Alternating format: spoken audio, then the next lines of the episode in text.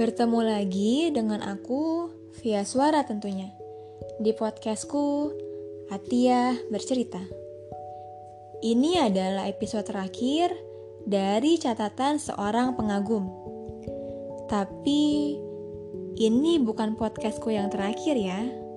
Karena akan ada cerita-cerita dan kalimat-kalimat lainnya yang akan aku sampaikan di podcastku ini. Yang terpenting, semoga kita sehat-sehat ya. Pupusnya harapan yang kita tempatkan pada manusia memang menyakitkan. Dan balas dendam dari rasa sakit itu sendiri adalah dengan cara mengikhlaskan. Perkara kata ikhlas memang mudah untuk diucapkan, tetapi sangat sulit untuk dilakukan. Aku pun merasakannya, tapi sebenarnya tidak ada yang benar-benar sulit. Hanya saja kita belum mencobanya kok.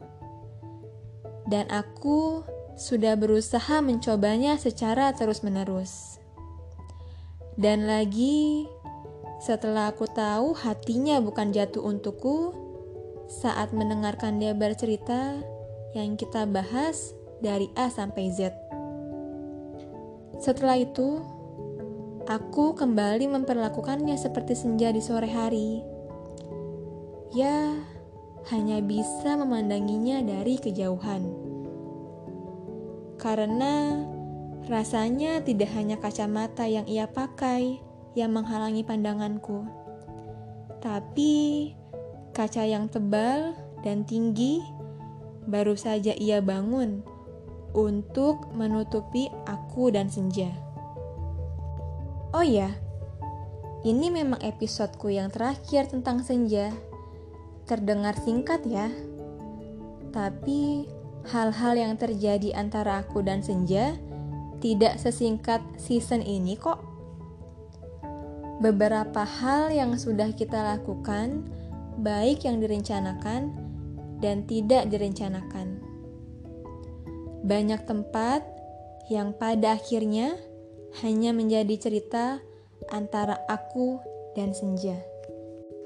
Terima kasih untuk lorong lantai 4 gedung belakang kampusku yang menjadi awal aku kembali dipertemukan dengan senja lantai 6 dan 3 gedung utama, time zone, Gramedia Puri Indah, kantin kampusku yang kerap kali menjadi tempat pertemuan dan bercerita antara aku dan Senja. Dan tentu saja lapangan basket kampusku. Oh iya, terima kasih juga untuk temanku yang sudah meminjamkan fake account IG-nya. Dan terima kasih untuk Senja karena sudah membawa dan memberikan kotak kebahagiaan untukku yang membuat aku selalu tersenyum saat membuka dan membaca tulisan ini. Serta terima kasih yang teramat dalam untuk semesta. Karena pernah dan telah menghadirkan senja di alur cerita hidupku yang membuat aku belajar kembali bahwa setiap pengharapan ke manusia memang akan berujung menyakitkan.